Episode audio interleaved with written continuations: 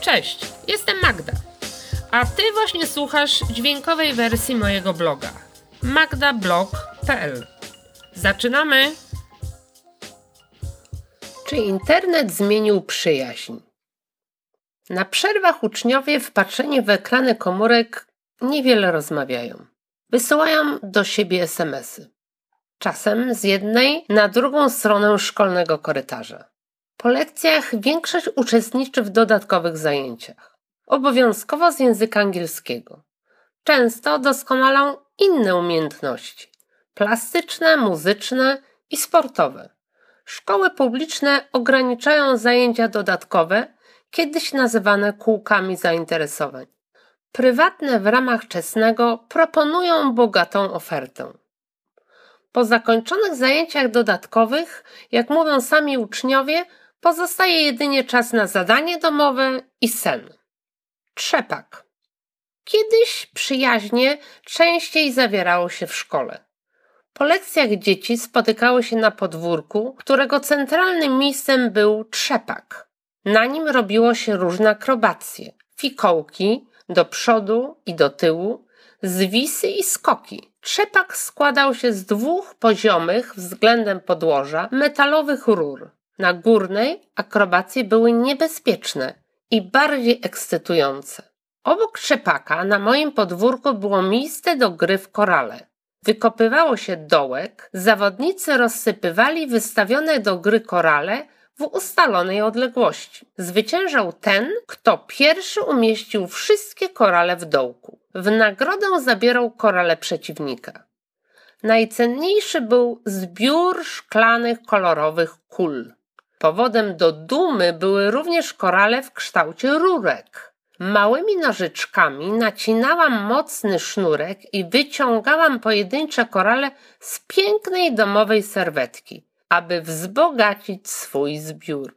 Podczas wspólnej zabawy i rozmowy w szkole i na podwórku rodziły się pierwsze dziecięce przyjaźnie. Przyjaźń.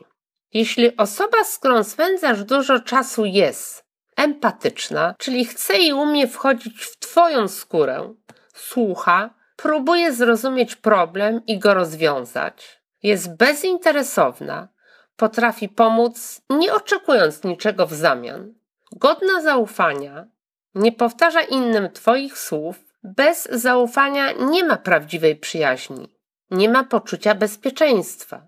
Jest podobna do Ciebie, łączą Was zbliżone poglądy dotyczące religii, sportu, życiowych celów, wartości, jest tolerancyjna, stara się zrozumieć Twoje błędne wybory i decyzje. Rozumie, że każdy człowiek myli się po to, aby wyciągnąć wnioski i ulepszyć kolejne decyzje. Jest osobą, która umie cię rozśmieszyć i stworzyć poczucie nadziei i komfortu w najcięższych chwilach i sytuacjach. To prawdopodobnie jesteś szczęściarzem i masz prawdziwego przyjaciela. Trudno się o tym przekonać w kontakcie sieciowym. Przyjaźń potrzebuje bezpośredniego kontaktu, spotkań, rozmów, gestów i emocji. Moja babcia mówiła, że prawdziwego przyjaciela najlepiej poznam w chwilach własnych sukcesów. Łatwiej jest współuczestniczyć w smutku, dużo trudniej w radości. Warto przyjrzeć się swoim potencjalnym przyjaciołom w chwili sukcesu. Czy potrafią okazywać autentyczną radość i współuczestniczyć w Twojej radości? A może właśnie wtedy stają się dziwnie oficjalni, spięci i krótkim słowem gratuluję Ci sukcesu? Jak to zauważyć? Na Skype'ie? Szukam przyjaciela. Przeczytałam na jednym z portali społecznościowych. Pisał Franek, uczeń klasy szóstej szkoły podstawowej. Jeśli nie znalazł w szkole i na podwórku, którego już nie ma, to szuka w sieci. Dzieci szukają przyjaźni, która potrzebuje wspólnego czasu. Brakuje im zrozumienia i rozmowy z bliską osobą. Dorośli w codziennym biegu mogą nie zauważyć narastającego problemu. Wzrasta liczba uzależnień od sieci, niebezpiecznych znajomości nawiązywanych w internecie, samookaleczeń, samobójstw wśród dzieci. Część rodziców kontroluje dostęp dziecka do komputera. Coraz więcej moich uczniów mówi, że w ich domu nie ma telewizora. Razem wolny czas spędzają na spacerze i rekreacji. Szkolne koleżanki dołączają do rodzinnych weekendowych wyjazdów, aby być razem, lepiej się poznać i zaprzyjaźnić. Naukowcy twierdzą, że przyjaźń ma podłoże biologiczne. Jest związana z tak zwanym pierwszym wrażeniem. Okazuje się, że w ciągu pierwszych 10 minut od poznania danej osoby podejmujemy nieświadomą decyzję, czy chcemy ją bliżej poznać. Dlatego między innymi konieczny jest bezpośredni kontakt z potencjalnym przyjacielem.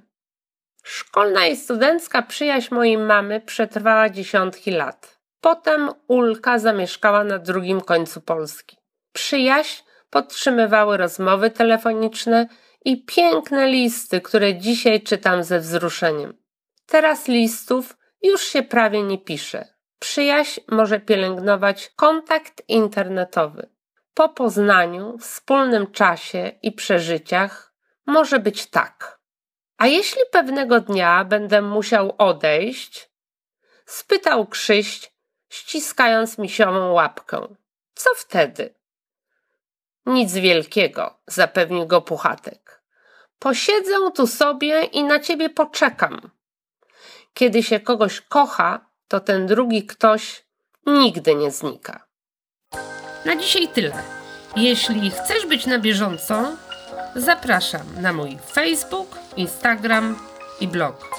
Do zobaczenia!